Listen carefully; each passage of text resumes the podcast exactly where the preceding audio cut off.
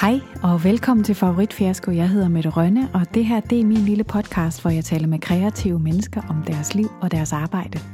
I dag der er vi på Teateret Svalegangen, hvor teatergruppen von Barten lige nu spiller Sammensvævelse. Og om lidt så får jeg besøg af dagens gæst.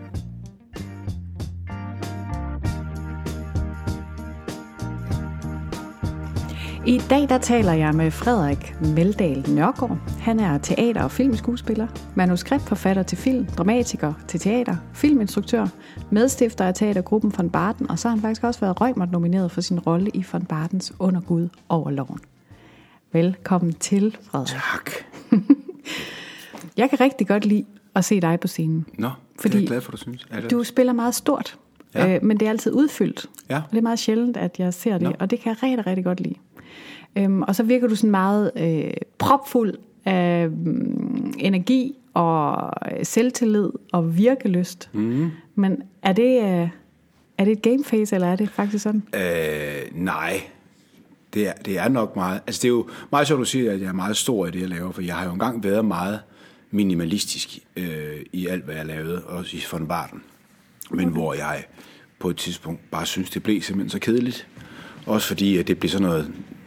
Ja, jeg synes sådan lidt nogle gange dansk film og dansk tv har sådan, vi er sådan fanget i sådan en tv-realisme. At man spiller på en måde, som man gør på tv eller på film. Men mennesker er slet ikke sådan i virkeligheden. Men- Mennesker er meget mere levende. Bare når du sidder ved en kaffebar, og folk er jo meget mere. Så der fik, fik, fik jeg ligesom lyst til at bare strække det der apparat lidt. Men netop hele tiden holde fast i bunden i det. Og det med virkeløst, jamen det- 100 procent. Altså selvtillid, jo. Det ved jeg ikke. Selvtillid kan godt være flosse jo. Selvværd, ja. Det synes jeg, jeg har fået efterhånden. Det, I hvert fald, da jeg blev 36, der synes jeg, jeg begyndte ligesom at være i overskud på, for selvværdskontoen. Så tænkte jeg, fik jeg ligesom, der er sådan, synes jeg, nu, har, nu har jeg været hård nok ved mig selv i 36 år, nu er jeg til at tale pænt til mig selv, for jeg har måske faktisk givet nogle kompetencer. Måske skal, kan jeg faktisk noget. Mm. Måske er det ikke bare held, når jeg ligesom bare går ind og liger noget af, og så er der nogen, der griner, eller synes, det er godt. Åh, oh, fedt nok. Så beder jeg ved med det. Øhm, men men øh, selvtilliden, det er jo, det er jo en, den er ikke konstant. Mm. Virkeløst, helt bestemt. Og det er også nogle gange en, en forbandelse, fordi det står aldrig stille. Jeg skriver, jeg har hele tiden 4-5 manuskripter, projekter i gang, og jeg kan selv på min, på min laptop, når jeg sidder og skriver, jamen, så har jeg fem, fire dokumenter åbnet på én gang, og så lukker jeg, der var ikke noget inspiration der, så lukker jeg det ned, og så skriver jeg på et andet, eller der kommer hele tiden idéer. Mm. Og det er ikke kun, altså det, det ligger til familien. Altså vi kan ikke sidde på en café, eller gå en tur et eller andet sted. Enten vi er i gang med et byplanlægningsprojekt om, hvordan man, for eksempel Aarhushavn, hvordan kunne man gøre det bedre?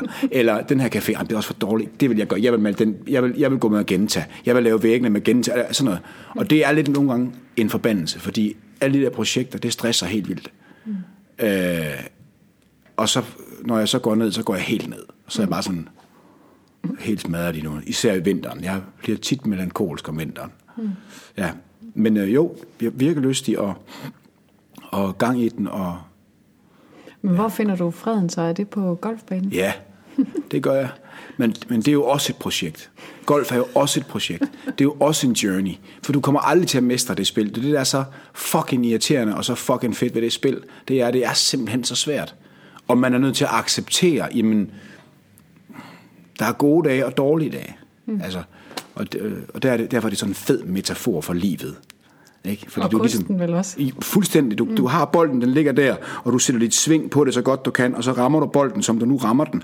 Og det er svært, og så nogle gange ligger den lige perfekt til næste slag, andre gange, de fleste gange er den lidt ude eller et eller andet, og så må du, så er det ikke når man går og bitcher over, at den ikke lå på fairway, hvor du gerne vil ligge, så må man jo tage slaget derfra. Mm. Øhm, øh, ja, så slapper jeg af med mine børn. Jeg er blevet bedre til at også holde fri, mm. efter jeg fik børn. Så man ligesom siger, okay, nu kommer børnene hjem, nu kan jeg ikke sidde og arbejde, så lukker jeg ned. Mm. Øh, men det er da en konstant udfordring at finde ro. Ej, jeg moderne jeg, jeg, menneske. Ja, jeg synes, jeg er, blevet, jeg synes, jeg er blevet bedre til også at sige fra og sige, det kan jeg ikke. Mm. Ja, det gider jeg ikke. Nu er jeg træt og sådan noget. Men. Altså, jeg har jo haft besøg af nogle af dine kompaner Ja. fra von Barden, så vi har hørt noget om von Barden, og hvordan Ja. ja. tilbyder sådan noget.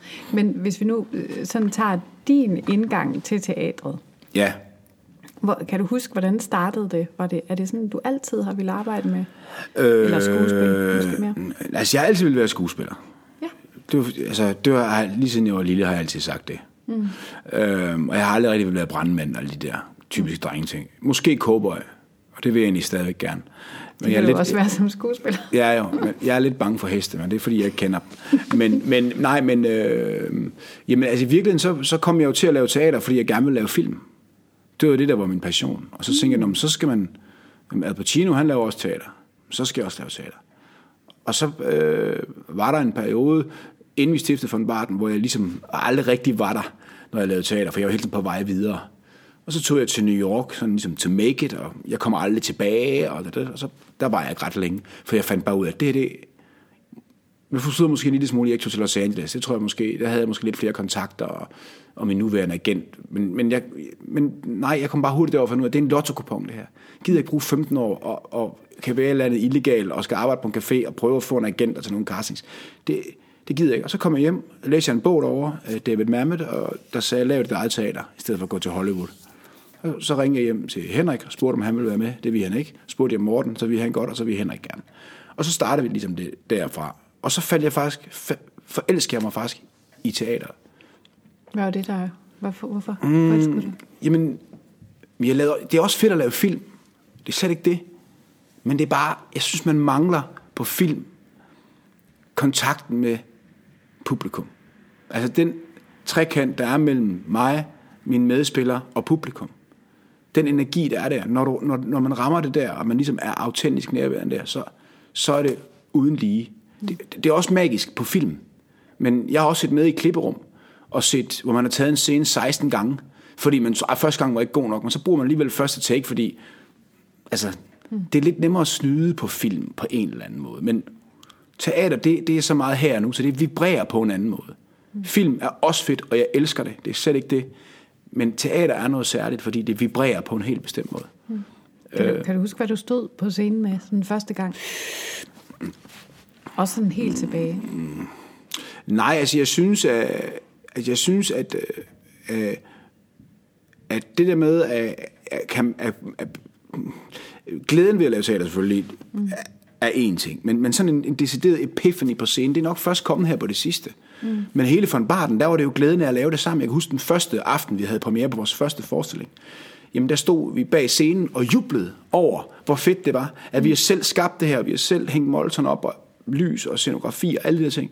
Den, og så gå ind og, så, og, så, og mærke publikum, og det, det bare mm. uden lige. Mm. Øh, også de gange, hvor det går skidt, hvor man ligesom siger, okay, fuck, nu er vi nødt til at smøre ærmerne op, og nu, nu skal det bare hjem. Ikke? Øh, og, øh, og så er der selvfølgelig de der enkelte aftener, hvor man den ultimative selvforglemmelse, hvor man kommer ud bagefter, eller man, man slet ikke har registreret, hvad man har gjort, fordi man har været så meget i det. Man kan bare mærke den der knappenål, der mm. falder.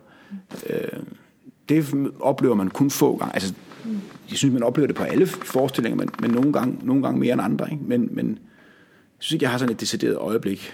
Jeg har mange øjeblikke, hvor man ligesom, wow, det er mm. fedt.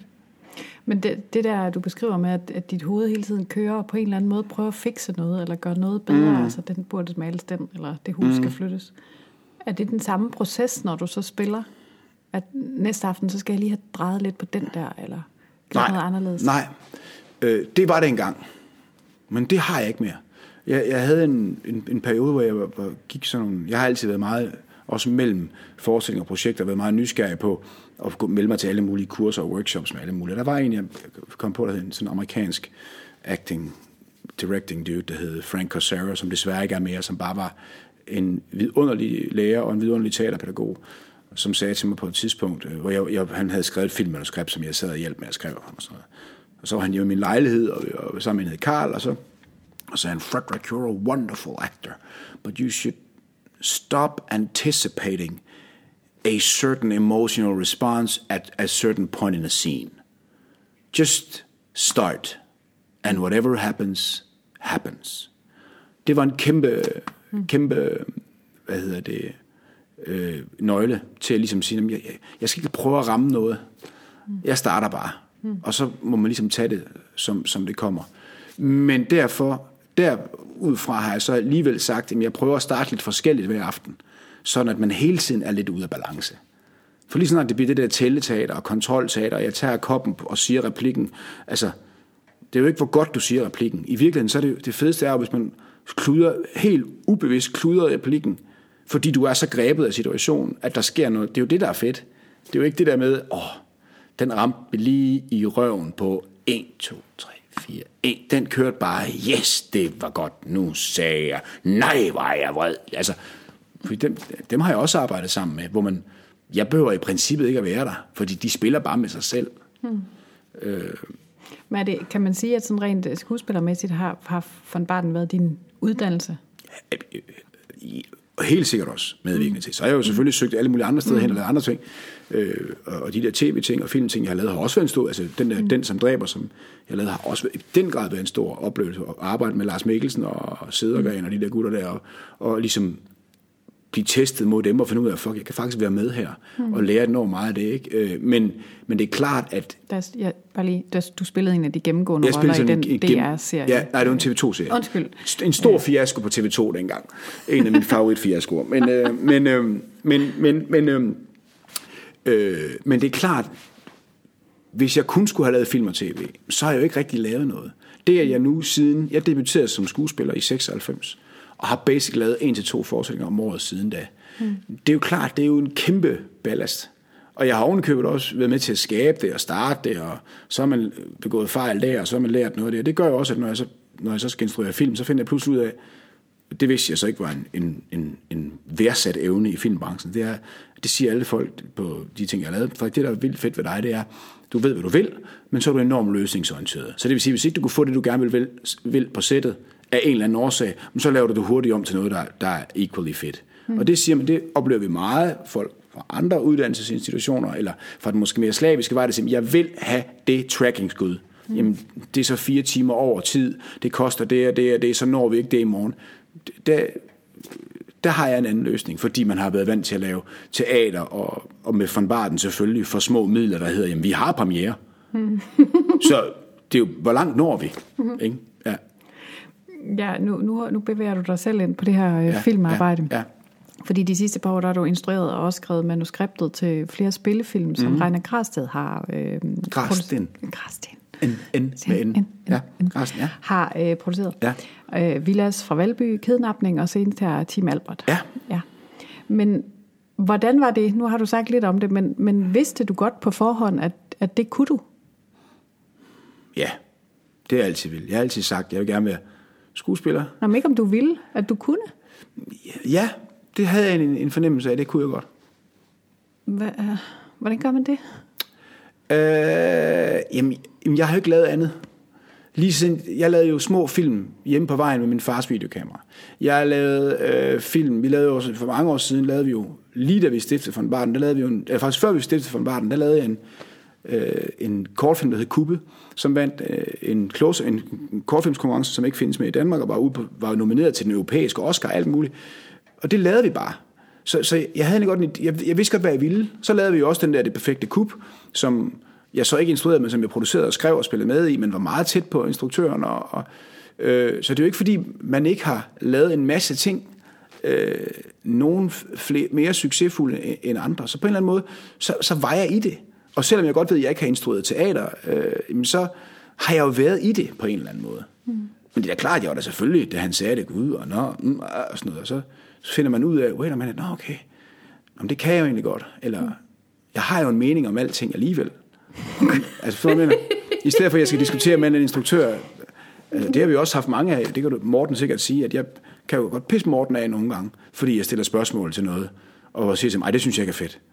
Jamen, Frederik, det er mig, der er instruktøren, så det bestemmer jeg. Ja, okay, nu, nu bitcher jeg over det i tre uger, og så siger jeg, og så kan det være, at du ændrer mening, og hvis ikke du ændrer mening, så har jeg, siger, så har jeg håneretten, når anmelderen siger, at lige præcis den replik, alt var godt på nær den replik, så har jeg håneretten, hvis anmelderen siger nej. Men, så på en eller anden måde, så, ja, men så, jeg er måske nok også modig, mm. og så, siger, så kaster jeg mig ud i det sådan lidt pipi mm. Det kan jeg ikke finde ud af. Det har jeg aldrig prøvet, men det kan jeg sikkert godt. Jeg kan fortælle dig, hvad Regn synes om dig. Hvad regner? Mm. Nå, har du spurgt ham om det? Ja, det har jeg. Oh my goodness. Nå. Han siger, Frederik er en super stærk børnefamiliefilminstruktør, hvilket er noget af det sværeste, da det er en målgruppe, der strækker sig fra 4 til 80 år. Men Frederik formår at formidle varme, kærlighed, sorg og grin til alle generationer. Det er ene og alene, fordi han forstår, hvad der foregår i mennesker, især børn og unge, men også forældrene. Derfor er de film, vi har lavet sammen, så populære i alle aldersgrupper. Der er ikke ret mange instruktører, der kan den kunst. De kan tælles på tre fingre. Hold det op. Det var da flot. Ej, har du ringet til Regner? Fedt. Jamen, han er jo sød, Regner. Det er han jo. Øh, jeg vil også gerne lave voksenfilm en dag, men det er klart, øh, jeg har et stort hjerte for, for, for, for den der genre film. Mm. Og, og, og synes, at vi har, der har været lidt for langt mellem det originale indhold. Altså det er sådan enten været den der kunstbørnefamiliefilm, eller den store romertalsfilm, som vi har set, altså Far til 4, 17, ikke? Mm. I stedet for, øh, og jeg ved, jeg ved jo godt, jeg har lavet remake af Kidnapning, men der var trods alt gået nogle år, ikke? Mm. Og Villas for Valby var jo, var jo ny, ikke? Og mm. Team Albert var også ny. Så jamen, det er jeg da rigtig stolt over, han synes, at han kan tælle det på tre fingre. Kan vide, hvem de ja, to hvem er det tænkte jeg nemlig også på, da det kom. Ja. øhm, men øh, nu siger du, du har, du har et hjerte for den her øh, genrefilm eller Ja. type film. Var, var det derfor, du valgte at sige ja? Eller, eller Nej. har du et ønske om at lave en kæmpe øh, øh, noir? Øh, Det har jeg da. Ok, ok. Og sci-fi, og øh, jeg har da masser af ting, og jeg vil også gerne lave et voksendrama, og, eller voksenfilm, men, men Voksenfilm. ja, adult films. Ej, det har jeg ikke. Den genre har jeg ikke. Det har jeg ikke. Ej. nødvendigvis. Men, men, men, øh, men øhm, nej, altså, det har jeg ikke tænkt. Det var Regner, der spurgte lige pludselig, og så det kunne jeg ikke sige nej til. Og så havde jeg jo hørt, jeg ved jo, at Regner, han stiller store, han kan godt være, være en, en, en, for nogen kan han godt være svær at arbejde med, men vi havde en fed kemi, og han synes, at det, jeg lavede, var fedt.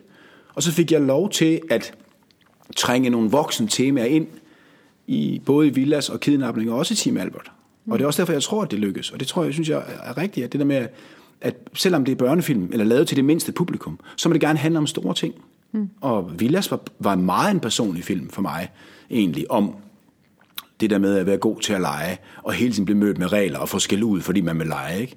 Mm. Øh, og holde fast i det. Øh, og, og kidnapning var meget en historie om at, at acceptere det, man har, og der, hvor man kommer fra. Øh, og Team Albert var det jo noget med venskab og relationer, og det er også igen, altså i virkeligheden, så synes jeg, Team Albert var på en eller anden måde Villas fra Valby, som, altså nu er nu Villas blevet til, til Albert Dyrlund, ikke? Mm. som er den her også, det her legebarn, som bare er glad og vader ind i folk med træsko på, og nogen synes, det er fedt, og andre, de hader ham for det. Mm. Øh, vi har brug for flere af sådan nogen. Hvordan, hvordan har du det med dem, som så hader på filmene? det, har, det er da fint. Jeg er da selvfølgelig ked af det. Mm. Men, men altså, det, altså, dem, der virkelig hader det, det er jo ofte kritikere mm. og anmeldere. Mm. Og, og der er meget, meget få anmeldere, som reelt set forstår den kreative proces. Altså, det mener jeg helt seriøst. Der er nogen, jeg, Christian Mungård har jeg stor respekt for. Han synes jeg er rigtig dygtig. Og jeg synes også, der er uh, Per Carlsen og de der, der. Der er nogen, der ved, at altså, det at få lavet en film, der er færdig, med en historie, der har en start, midt og en slutning, eller en teaterforestilling, der har en start, midt og en slutning, det at have noget at vise for publikum, det i sig selv er et mirakel. For der er tusind ting, der kan gå galt. Altså, det er der virkelig. Og det overhovedet at få, få ting finansieret, altså, det er et mirakel. Det at så kunne lave en god film, det, det er et kæmpe... Altså, øh, altså, så det, at der er en anmelder, der kan sidde og sige, jamen, jeg kan ikke lide, at de gjorde det og det. Nej, det er så i orden, men køber du historien, eller ser du historien for det, den er? Mm. Og det, det oplever jeg tit, at det glemmer anmeldere lidt. Mm. Og forstå, at det er jo ikke fordi, man er nødvendigvis er dårlig. Det er bare, man har måske truffet nogle valg, som de så ikke er enige i. Mm. Og sådan nogle ting. Så, så, så, så jeg er så meget procesorienteret, at, at, at jeg egentlig ikke bekymrer mig så meget om anmelder. Og jeg vil ønske, at, at anmelder var med. For der er jo mange af de ting, tit anmeldere skriver, som ikke og det er sgu egentlig rigtigt nok, det kan jeg faktisk godt se. Men det skyldes, at dengang vi skulle skyde den scene, der var der bebudt, der skulle komme 50 statister, men der kom kun 14, og der var fire, der skulle gå efter frokost. Så det her, det var, det var den eneste måde, vi kunne skyde den scene på. Altså sådan er det jo. Øh, jeg hørte sådan en fed anekdote med Kurosawa, hvor der var en, der sagde, der er det der slutbillede, hvor du holder billedet i helt vildt længe, hvor de kommer ridende ned mod øh, alle samuraierne.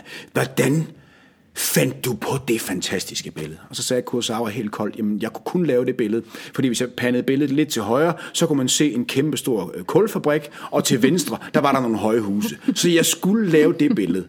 Jeg kunne kun lave det billede. Altså, så, så øh, men altså, det gør da ondt, mm. fordi man, jeg vil da gerne, at alle synes, det er godt, men jeg er heller ikke bange for at, at ja, jeg er så meget i processen af det, at når der så, så kan jeg i klipningen, yes, it's a movie, så ved jeg, jamen det er den bedste film, jeg kunne lave med de betingelser, som jeg havde.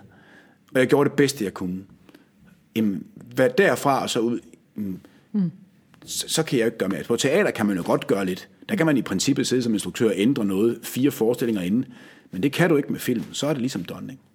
Hvad kan du tage med dig fra arbejdet med film? Kommer du tilbage til teateret og, og er bedre til noget? Mm, ja, det synes jeg da. Hvad er det altså, for nogle ting? Jamen, øh, jeg synes, at man, jeg synes, man, jeg kan godt se nogle, når jeg, jeg sidder selvfølgelig, når jeg instruerer, så er jeg jo også skuespiller selv. Så jeg, jeg bilder mig selv ind, at jeg godt kan se på skuespillere, når de står på et filmsæt, eller de træffer nogle valg, så kan jeg godt se, hvor de er henne. Og så kan jeg se, mm, det, det, det hjælper dig ikke. Mm. Og det kan jeg tage med og sige, hov, nu står jeg selv i den situation, mm. hvor jeg har en idé om, at det der, det er vildt fedt, men det er det ikke rigtigt. altså, altså, det kan jeg godt, nå, det, oh, det kan jeg godt høre. Det, det, oh, det, nu skal jeg lige passe på med det. Mm-hmm. Eller tit er det jo sådan noget med, at man selv, man går rundt på et, altså et filmsæt kan virkelig være det ensomme sted. Og det kan en teaterscene også. Men et filmsæt virkelig. Fordi man kan gå rundt og tro, at man er vildt dårlig. Mm. Og det er man ikke rigtigt. Mm. Øh, eller man er i hvert fald alt for hård ved sig selv. Så er der også nogen, der går rundt og tror, de er vildt gode, men så er de det ikke rigtigt. Men, men mest så er det den der. Alle de store navne også. Alle synes aldrig rigtigt, det er godt nok, det de laver. Øh, og der, det har jeg taget rigtig meget med fra. Der kan jeg godt se, at der har jeg været, før jeg blev 36, alt for hård ved mig selv. Og har troet, at jeg skulle være... Altså jeg troede, fordi jeg ikke har fået teaterskolerne, at jeg skulle være 200% god. Mm. Hvor de andre, fordi jeg var ikke uddannet, for at jeg mm. havde min berettigelse, så skulle jeg være 200% god. Mm. Men hvor egentlig følelsen af 80%, det er 100%. Mm. Så er man lidt mere afslappet, og man er lidt mere åben op for, hvad der sker. Men hvor man nogle gange kan være simpelthen, åh, jeg skal være så god, jeg skal være så god, fordi ellers så har jeg ikke lov til at være her. Nej, det er for meget. Mm. 80%. Men hvorfor er det mere udtalt på et filmsæt? Er det fordi, der er ikke, der er ikke nogen reaktion fra publikum? Ja, eller du kan der er ikke reaktion fra publikum. Mm. Og altså, det lyder jo mærkeligt, men en skuespiller er ikke det vigtigste på et filmsæt. Der er jo 50 mennesker på et filmhold, som har hver deres job at gøre. Mm. Jeg gør altid det, på, på, inden jeg laver sådan et introduktionsmøde, så siger jeg altid, hvis man er i, i synsvinkel for skuespillerne, så skal man kigge på dem, når de spiller scenen. Mm. Fordi der er ikke noget mere forstyrrende end at spille en enorm følsom, intens scene, og så ud af øjenkrogen, mm. så du ane en eller anden, der står og, men, nu skal jeg passe på, det er jo podcast, jeg kan ikke sidde og meme ting. Men så, så at folk, der står og tjekker en sms, eller mm. lægger et eller andet op på Instagram. Mm. Der er ikke noget mere ødelæggende, fordi mm. man er all eyes on it, fordi det, det er nødt til at samle sig der. Og der er mm. nødt til at være ro og sådan noget. Og så har jeg sagt, hvis ikke du kan det, så gå. Mm. Øh, og, og, og så får folk jo travlt, ikke? Og så går man der som skuespiller, og så går man, ja tak, ja. Og så går man ned, jeg roser også meget. Fuck, det var fedt, yeah, mand.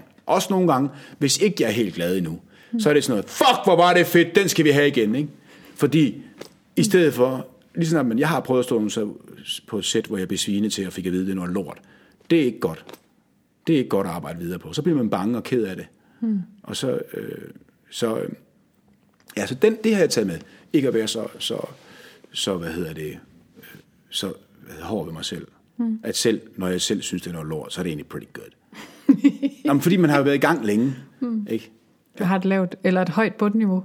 Mm, jamen, det ved jeg ikke, men man skal også bare huske på nogle gange, at ja, jeg, jeg, efterhånden har man fået et højt, højt bundniveau, men fordi jeg tænker noget, eller føler noget, så er det ikke ens betydende med, at det er det, der aflæser.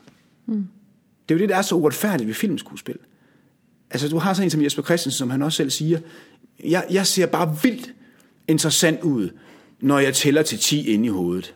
Det er mit held.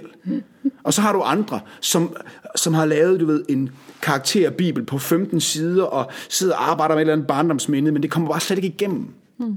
Altså, og det samme også på scenen, at der er man jo også nødt til at acceptere, når der er nogen, der siger, fuck, det var godt den scene. Lad du mærke til det? Nej, det, kunne det kom ikke ud over første række. Nå, for helvede. Hmm. Nå, det er man jo nødt til at... Og det er også derfor, at vi, min påstand er, at vi som skuespillere, vi ved ikke rigtigt, hvornår vi er gode. Vi ved ikke rigtigt, hvornår vi er gode. For der, hvor vi tror, vi er gode, det er lidt, når vi er safe. Oh, det, nu, nu står jeg her og ser virkelig intens og sexet ud. Ja, ja, men it's not really good. Eller også som mennesker lidt. Vi ved ikke, altså vi skal holde op med at gå og tænke så meget, hvornår jeg er god. For så, så forestiller man sig et eller andet. Vi ved det ikke rigtigt. Det er, når der er nogle mennesker, der siger til, ved du hvad, det var simpelthen dengang, du kom ind der og lige gav mig den der kop kaffe der. Det har jeg tænkt over i 15 år, og nu vil jeg sige tak for det. Mm. Gud, nå, at det, nå, jeg tror, jeg, jeg synes, jeg var rigtig god dengang, hvor din far var syg, og hvor jeg kom hjem med lasagne der. Der tænkte jeg, wow, I'm a good friend. Ej, det synes jeg egentlig ikke rigtigt, for jeg kunne ikke lide lasagne, der var for meget paprika i. Whatever. Altså, forstår du, hvad mm. Og det, så der har jeg givet mig lidt fri for det, mm-hmm. og gå og være min egen dommer og kritiker hele tiden. Jeg afbryder lige kort for at sige tak for, at du lytter med. Det er jeg rigtig, rigtig glad for. Og hvis du gerne vil have, at andre også skal lytte med og få den her øh, oplevelse, eller hvad vi skal kalde det, så øh, kan du altså hjælpe mig på den måde, at du går ind på iTunes-appen. Det er den lille øh, firkant med den hvide sendemast på. Og så øh, vælger du favoritfiasko, og øh, så scroller du lidt ned, og der kan du øh, give den nogle stjerner, alt efter hvor meget du synes, den er værd. Og så kan du skrive en anmeldelse. Og det betyder vanvittigt meget. Ikke bare for mig øh, og mit øh, ego, men også sådan, at podcasten bliver spredt mere, sådan at der er flere mennesker, der opdager den. Så det vil være en kæmpe hjælp. Så når du alligevel sidder og fniller med din, øh, med din telefon, så må du meget gerne gøre det. Tusind tak for det. Men hvad gør du så, når du skal tage hul på en ny rolle, hvis vi, hvis vi prøver lige at blive ved teateret ja, lige kort? Ja. Øhm, du får et manuskript. Der er en øh, karakter, som du skal tage hul ja. på. Hvad, hvad gør du? Så læser jeg alle mine replikker. Nej, bullshit, bullshit, helt klassikeren. Bullshit, bullshit, min replik. Nej. Jamen, så læser jeg manuskriptet. Og, og tit så, for, og så, og så, er jeg, så er jeg meget sådan kritisk på tekst i starten. Så sidder jeg og tænker, okay, det forstår jeg ikke. Det, jeg forstår det ikke. Eller det, det, det kan jeg ikke. Og så snakker man sig frem. Og så kommer der jo, begynder der jo at komme bud frem. På en eller anden måde. Jeg læste en bog, som var rigtig god, der hed en amerikansk skuespillertræner, der hed Harold Guskin, der hed How to Stop Acting, og som sagde, hvis du har lavet beskæftiget og lavet teater, eller været skuespiller mere end 10 år, så skal du ikke træffe nogen valg. Du skal gøre noget. Bevidst. Fordi bare det, du læser scenen første gang, så er din underbevidsthed i gang. Så hvis du også gør noget bevidst med din rationelle hjerne, så gør du det i virkeligheden dobbelt. Prøv bare at være i det. Eller prøv at give dig selv slip. Lav. Det er ikke, du er som skuespiller ikke ansvarlig for, om du overspiller eller underspiller. Du skal bare gå med dine impulser. Og så på et eller andet tidspunkt, så er der en instruktør, der siger 20% ned. Eller ah, okay, 50% op. Jeg synes tit, at jeg oplever at arbejde med nogen, som, som er enormt afmålte, og er helt, om det er det, jeg gør. Og så har de et meget lille rækkevidde i virkeligheden. Og det bliver ikke rigtig organisk. Jeg kan godt se, at det virker på film og tv, kan det godt virke, fordi det ser lækkert ud, men det lever ikke rigtigt. Mm. Øh, og det er jo dejligt. Og I princippet er det jo heller ikke mig, der skal... Nu er det så, fordi tit, når, så giver jeg jo mit besøg med, fordi jeg synes selv, jeg er god til at læse manuskripter og, og, og er skarp på tekst. Men i mit, altså i von Barden, ja, jeg er ansvarlig for det, men på en film, hvor jeg bare på som skuespiller, jeg er jo ikke ansvarlig for manuskriptet. Mm. Jeg er jo i princippet heller ikke ansvarlig for, at historien kommer hjem. Eller karakteren kommer hjem. Mit, jeg er ansvarlig for at lave så mange bud på autentiske øjeblikke som muligt, når jeg laver den scene. Og så er det jo op til klipperen og manuskriptforfatteren, eller øh, instruktøren og produceren, at vælge de rigtige tekst, så de kan laves... Øh, mit ønske er, hvis jeg kan lave otte forskellige bud på en scene, så har de otte forskellige bud på en karakter, de kan klippe sammen.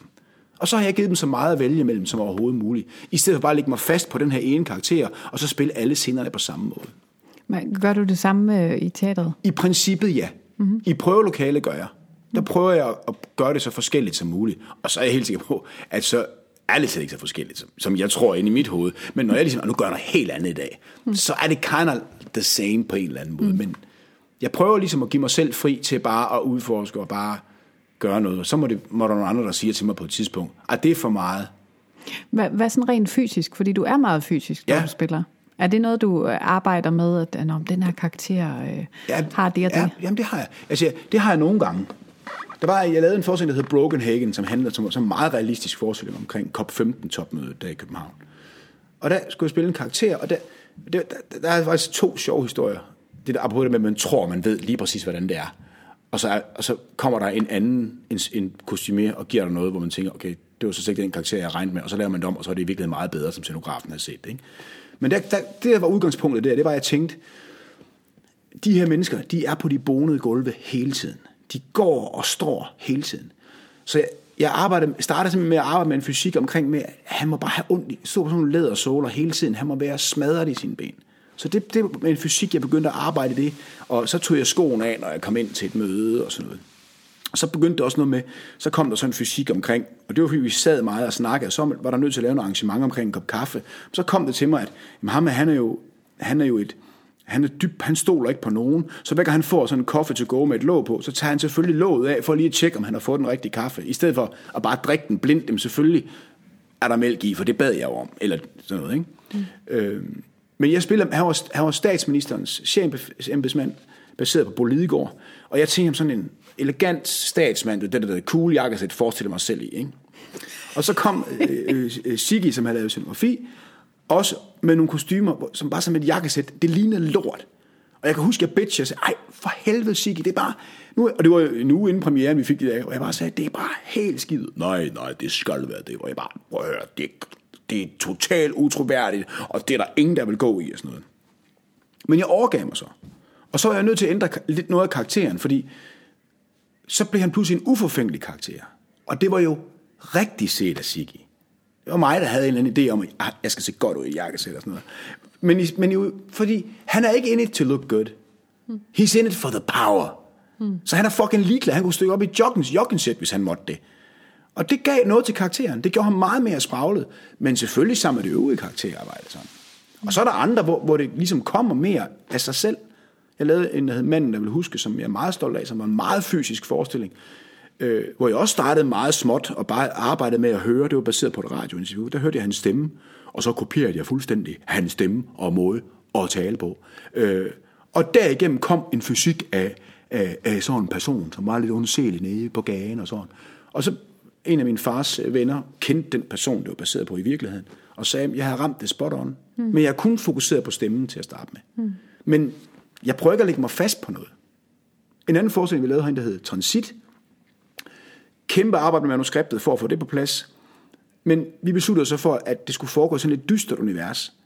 Og der kunne jeg bare se, jamen, at jeg skulle gå, jeg skulle være sådan en, der sad og overvågede på en computer, og det lavede vi så visuelt ved, at jeg skulle gå og lyse ud på publikum med en lommelygte, for at skabe billedet af en, der søger på nettet. Ikke? Og alt var i tusmørke, og så, så fik jeg bare sådan en fornemmelse af, jamen, okay, jeg er jo nødt til at gøre min fysik større, fordi alle mine scener er i tusmørke. Og hvis ikke jeg er klar i min, laver, at min, min emotion, følelsesmæssige skift også kan se på min krop, jamen så kan folk ikke se det. Mm. Øh, eller umælende kræb var også meget en stor rolle, jeg lavede, men det var fordi, okay, vi spiller på to tons muljord, og det er et mareridt. Jeg skal ikke ind og spille en til en realisme, fordi så bliver det ikke et mareridt. Fordi de mareridt, jeg har, der er der altid en eller anden karakter, hvor man tænker, okay, det er lidt virkeligt, men det er også lidt mærkeligt. Ikke? Mm. Så det var bare sådan en gavebod. Okay, så det er sådan en fornemmelse af, når man ser scenografien, og ligesom, så prøver jeg bare at arbejde ligesom, okay, hvordan skal kroppen øh, lægges ind nu? Den vi laver nu, den her, der hedder øh, sammensværgelse, det er en forholdsvis realistisk forestilling. Og, så der prøver jeg at holde, være meget sådan, egentlig naturalistisk, selvfølgelig med krop på, og så er der nogle personlighedsskift, hvor jeg måske er en anden person. Mm. Og det bliver uhyggeligt, fordi jeg ikke gør noget. Mm. At jeg bare lige pludselig siger nogle replikker, der ikke er den karakter, jeg egentlig er, har kostume på til. Og det bliver så uhyggeligt. Hvis jeg lavede et stort skift der, jamen så var det ikke blevet uhyggeligt, for så har folk sagt, åh, nu er han en anden. Mm. Så det er jo sådan hele tiden den afvejning af, mm, hvad, hvad er det for en forestilling, jeg er med i? Men det lyder som om, at, at selvom du så er skuespiller i en forestilling, så har du også sådan en pilot øh, udefra, Ja. på, eller et øje på sammenhængen, den store sammenhæng Bestemt. hele tiden. Jamen, det synes jeg, jeg har. Mm. Jeg synes, jeg har egentlig, og det, det tror jeg også er intuition selvfølgelig, en følelse af, hvad det er for en forestilling, jeg er i. Mm. Mm. Altså, det kan jo ikke nytte noget, at man spiller øh, en til en realisme, hvis du er i en klovneforestilling. Det går mm. jo ikke. Mm. Altså, øh, altså det, det man ligesom, jo, så skal, så skal realismen i hvert fald klovnificeres. Altså, der er ligesom, mm. det er man nødt til at tage på sig. Mm. Så det har jeg også en følelse, en følelse af, at jeg godt kan se det overordnet. Mm. Og det kan jeg også bruge på filmen. Ja. Alle de valg, jeg tager, og de ting, jeg siger, jeg vil gerne have, ikke vil have. Men jeg har hele tiden sådan en overordnet, okay, det er den her film. Jeg kan godt lave det, jeg behøver ikke at få det der billede der med det der steady tur ind igennem og ned i en restaurant. Det er faktisk ikke det væsentlige for historien. Fordi den overordnede er meget sådan klip, klip, klip, eller det overordnede look bliver sådan og sådan. Så, så, det, så det bliver hele tiden holdt i forhold til en enhed, en helhed. Og det er helt sikkert noget, jeg har fra teateret. Hmm. Hvor du jo, når du er færdig med prøver, så skal du hele tiden spille en helhed. Hmm. Der er hele, jeg kommer igennem starten, midten og slutningen. Det gør du ikke på film. Hmm. Der kan du på en dag filme noget fra starten og noget fra slutningen. Og, og, og, eller du skyder hele midtersektionen først, fordi det foregår ind i et hus. Og så skal du så ud bagefter og prøve at få de karakterer, altså sådan noget. Hmm. Øh, hvor teater, det er jo en gave, at man ligesom får hele historien med. Hmm. Øhm, jeg har spurgt øh, Morten Lundgaard, som øh, er instruktør på mange af von mm. øh, forestillinger, om dig. Mm. Og han siger, at Frederik er min bedste teaterkollega. Jeg oplever en intuitiv forbindelse mellem os, når vi er i øvelokalet. Han bliver så at sige min højre hånd på gulvet. Han er ligeledes en af de skarpeste manuskriptlæsere, jeg har mødt, og jeg synes samtidig, at han er en vanvittig modig og dygtig skuespiller. Jeg elsker ham. Ej, hvor han sød. Og så er de et lille hjerte. Nej, ej, hvor han sød. Jeg elsker også Morten. Og jeg synes også, at øh, jeg synes især inden for de sidste... Øh, øh, han bliver så småt gået allerede, men faktisk efter, for alvor efter umældende kræg. Og det var ikke engang Morten, der lavede den. Det var, det var Per Schiel over fra, fra Grob. Øh, men der var Per Schiel og jeg meget enige. Jeg var dramatur på den, og, og sad med Kasper Kolding og udviklede teksten sammen med ham. Men vi var meget enige om, at vi skulle prøve at gå ud i det absurde. Øh, og jeg synes egentlig, det er mest vellykkede forestillinger, vi har lavet. Og det inspirerede Morten, og vi var så kiggede bare på hinanden og sagde, okay, det her, det er fedt, det her. Vi havde en idé om, at vi engang skulle spille realisme. Fuck that shit. Mm. Øhm, og, og, og så har vi bare ligesom prøvet på, haft en følelse af, at vi vil prøve at udfordre det lidt. Altså, den der, hvad er egentlig realistisk teater, og, og hvad er egentlig realistisk skuespil?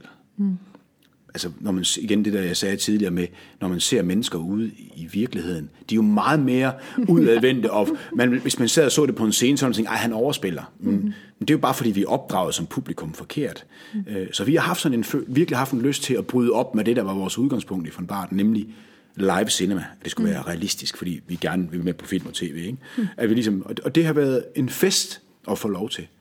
Både med transit, og især med manden, der vil huske. Mm. Det synes jeg var øh, altså Morten og jeg har lavet mange fede ting sammen, men det var virkelig et svendestykke for Morten og jeg, fordi det var bare, bare en leg.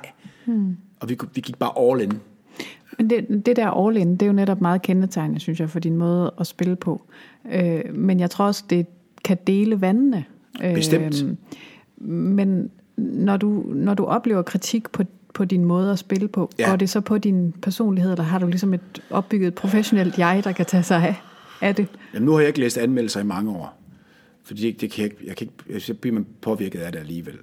Øh, og igen, de er jo ikke med i prøverummet. Altså, det, er jo, øh, det er jo en bevægelse, det er jo en proces, så det er jo processen, der bestemmer, hvor, hvor langt skal du ud.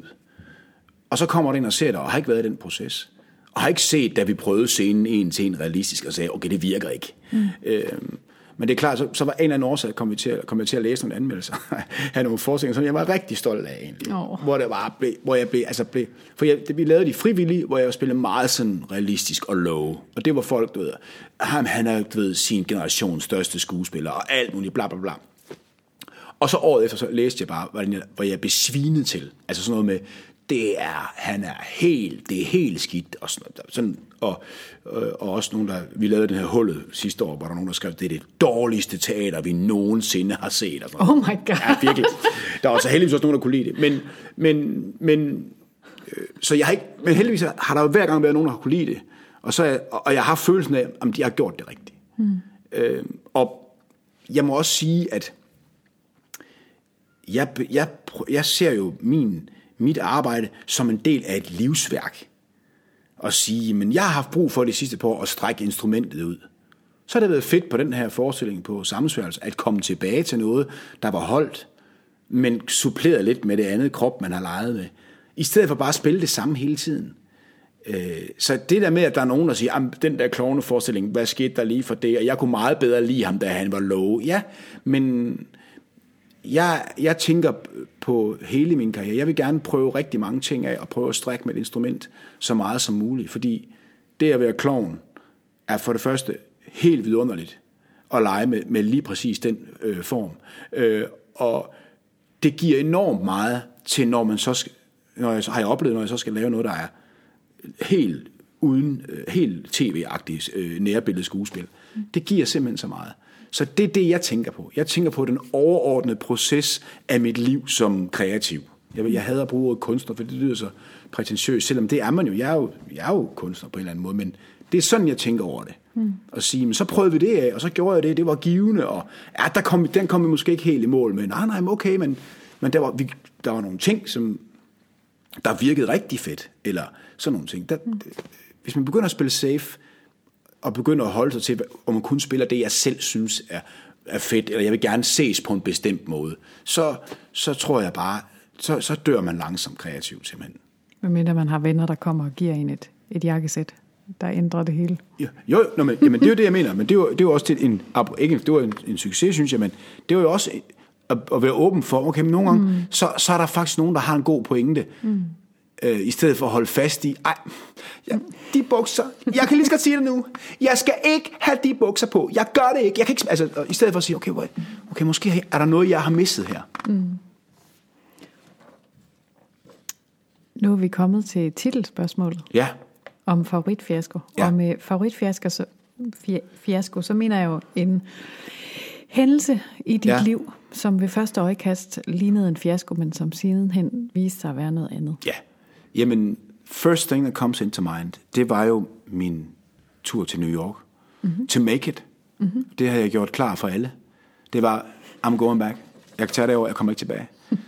og, og jeg, jeg har stadigvæk den oplevelse, op, øh, idé om, at hvis jeg var taget til Los Angeles, så var jeg sikkert ikke kommet tilbage.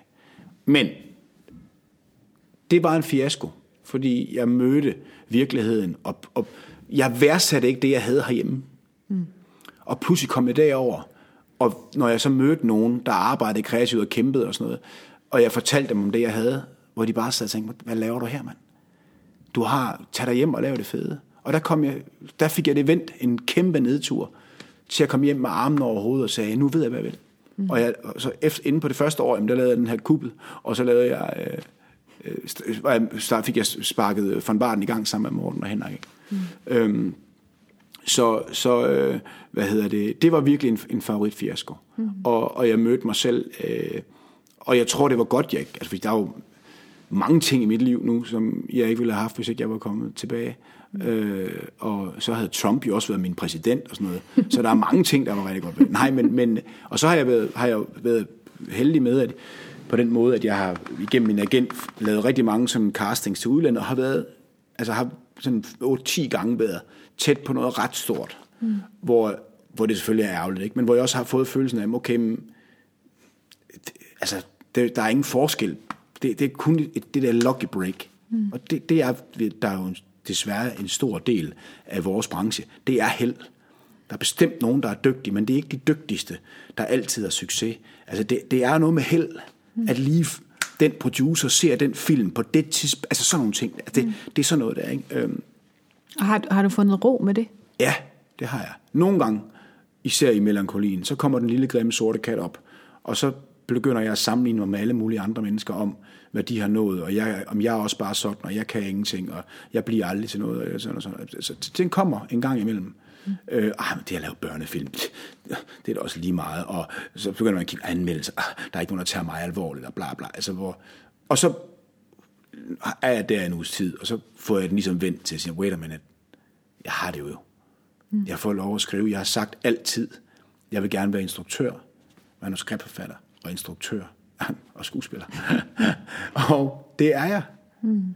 Øh, og jeg har et, et sted, jeg kan udtrykke mig, og, og, øh, og jeg er ovenkøbet blevet rømmer nomineret, da der var det.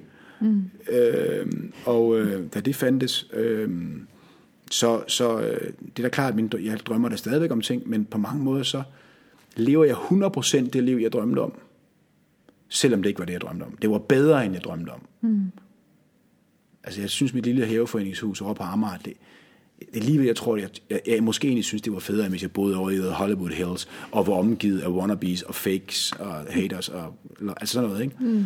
Også fordi jeg jo har hørt nu fra branchen af, hvordan de betingelser, man arbejder under derovre, det er bare, det er ikke sjovt. Nej. Der synes jeg, det er meget sjovt her. Jeg kan faktisk lave film og være ambitiøs, og jeg kan også stadigvæk træne mine børn i fodbold, ikke? Hvad kunne du godt tænke dig, at sådan fremtiden bragte arbejdsmæssigt? Øhm, jamen, øh, jamen jeg, jeg håber, jeg kan blive ved med at lave film og skrive og give også selvfølgelig give mig selv roller, når, når jeg synes, der er en type, der passer. Øh, det er jo egentlig derfor, jeg begyndte at skrive. Det var, okay, der er ikke nogen, der ringer, så må jeg skrive lortet til mig selv. Øh, eller jeg laver teaterselskab, fordi der er ikke nogen, der ringer, så må jeg gøre det selv. Ikke? Men, mm. men, øhm, men jeg har en masse fede historier, synes jeg, og nu Reiner har spurgt, om, om jeg vil måske instruere en ny krummefilm, og det, det vil jeg gerne. Øh, og jeg har også nogle andre projekter, jeg gerne vil starte op, og har en idé om at komme til at måske producere lidt selv, eller så helt selv bliver herre over det. Og, og så øh, teater vil jeg da også gerne blive ved med at lave. Øh, selvom jeg synes, det, det har været hårdt lige nu. Øh, og, og selvom jeg også har en drøm om at vinde i lotto og trække mig tilbage, så ja, gå på det pension. tror jeg ikke kommer til at ske. Nej, men, nej. Altså, jo, det kan godt være, du vinder i lotto, men ja. jeg tror ikke, du kommer nej, til at lægge stille ret længe. Nej, men det kunne være fedt at bare arbejde, så jeg ikke er tvunget til det, så jeg kunne, så jeg kunne have lyst. men det er det også. Men nej, og så må jeg også sige, at der, øh, midt i alt det, så øh, drømmer jeg også om at, at blive teaterdirektør. Ja.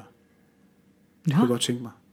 Altså, selvfølgelig stadig være en, en, altså spille og være på og udvikle, men, men det at, at øh, være en del af, altså have mit eget teater, øh, og, og få en, altså, det er jo en drøm, Morten og jeg, Lundgaard og jeg har sammen, at, at det kunne være fantastisk. Fordi, altså i mursten? Ja, i mursten. ja fordi ja. Jamen, der er noget med, altså, nu har vi jo lavet projektteater, i mange år, hvor ligesom, om så fik vi penge til det projekt, om så skal vi have det til at fungere. Men det der med at kunne lave sådan en langstrakt strategi, det der med at skabe en, en ramme for, hvad er det for nogle fortællinger, vi skal have her, hvad er det for nogle arrangementer, vi skal have, hvad er det for nogle mennesker, vi gerne vil have ind, hvordan skal vi marke, altså alle de der beslutninger, og, og selvfølgelig også, øh, det synes jeg kunne være enormt interessant, og af en eller anden mærkelig så, så, så tror jeg, føler jeg, at jeg har noget at give, mm. og jeg kan se, at jeg, øh, jeg har jo også en holdning til, hvordan tingene kører på Grob, eller på Svalegangen, eller øh, ikke så meget på det kongelige. Det, det er jeg ligeglad med. Det behøver det ikke at være. Men, men der, der er et eller andet der, med, med, med nogle idéer der, og ja. Men... Øh, Spændende. Men så er vi nok nødt til at mødes om nogle år og se, øh, hvordan Jamen, gik det. Det der live-showet kommer. Det der live-showet, ja, det, det talte vi om for, inden... Øh, fiasko. What happened? Ja, vi talte ja. om, inden jeg tændte mikrofonerne, at jeg egentlig havde sådan lidt tænkt at gemme øh, dig til et live show, hvis jeg skulle lave et live show engang. Ja. For jeg havde fornemmelse af, at du ikke ville have nogle problemer Nej. med at fortælle, selvom der var folk. Det vil, nu... Jeg vil gerne være med i live show også. Okay. Selvom jeg godt ved, og jeg lover, at jeg lytter det her inden, så jeg ikke siger de samme ting to gange. nu er vi, vi nået til rapid fire ja. spørgsmålene, ja. og hvis du har et rigtig godt svar, som er lidt langt, så siger du selvfølgelig bare det. Skal jeg sige det først? Og det, jeg har et langt svar til det. Uh, nej, du begynder ah, okay. bare. Alright, cool. Uh, første spørgsmål er, hvilket råd vil du give en person, som vil være skuespiller? Uh, find nogle sammen med dine bedste venner, der vil det samme og har de samme ambitioner som dig, og så bare komme i gang.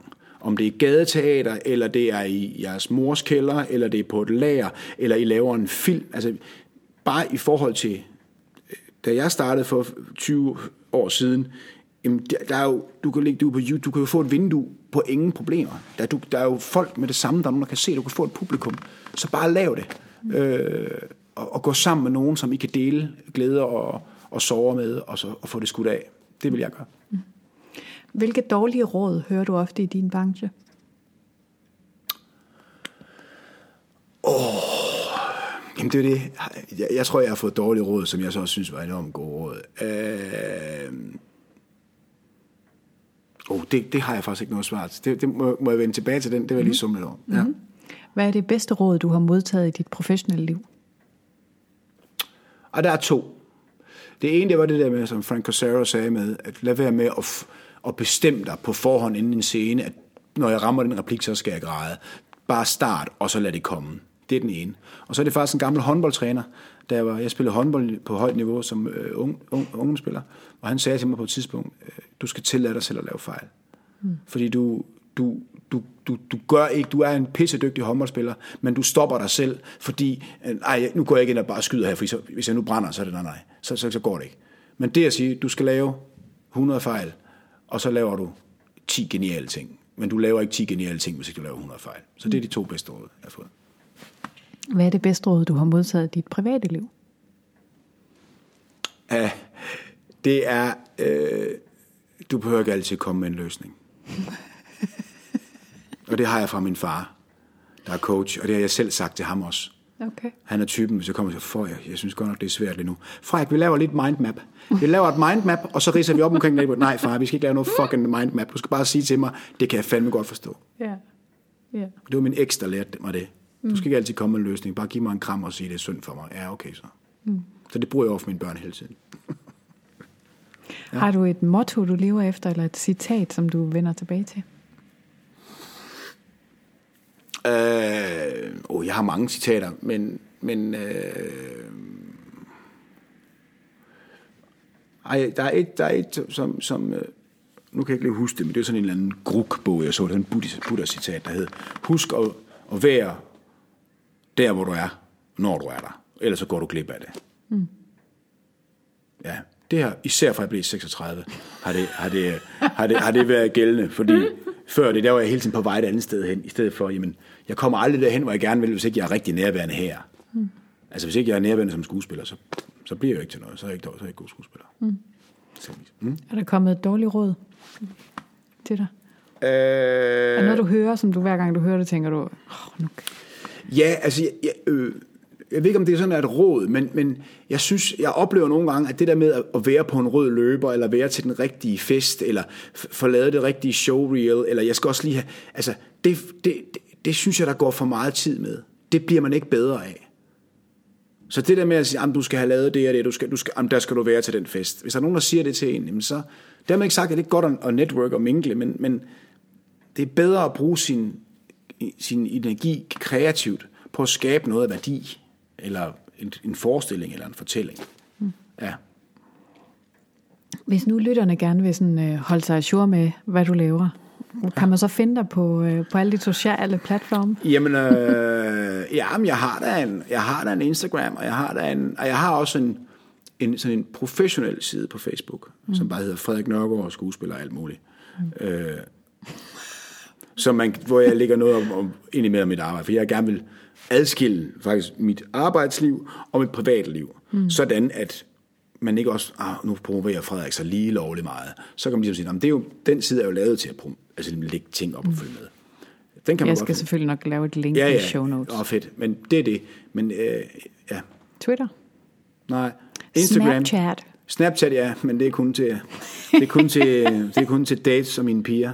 Nej, nej, jeg, jeg har, Snap, det kan jeg så ikke finde ud af at bruge. Mm. Øh, men øh, Instagram er jeg på. Hvad Freddy Wang Chang. Oh, ja, jeg laver, lige, jeg, jeg laver et det link. er jo det, jeg lever efter i virkeligheden. Det er et tibetansk term, der betyder autentisk nærvær. Look it up, it's pretty brilliant. Jeg tænker, det er en god afslutning, så jeg replik det der. Snap. På ingen måde smart. Freddy Wang Chang, tjek det ud. Det er for, Google det, mand. Det er for sygt. Det er for Tibet. Det er for vildt. Tusind tak, fordi du gad snakke med Jamen mig. tak, fordi jeg måtte. Det var alt for den her gang, men hvis du har lyst til at lytte til andre episoder af Favoritfiasko, så kan du følge med på Facebook og på Instagram for at se, øh, hvem er den næste gæst. Og du kan abonnere på iTunes og på Podbean, og der er du også meget velkommen til at gå ind og lave en stjernerating eller en anmeldelse. Tusind tak, fordi du lytter med, og indtil vi høres ved næste gang, så kys på nogen, som du holder af. Hej!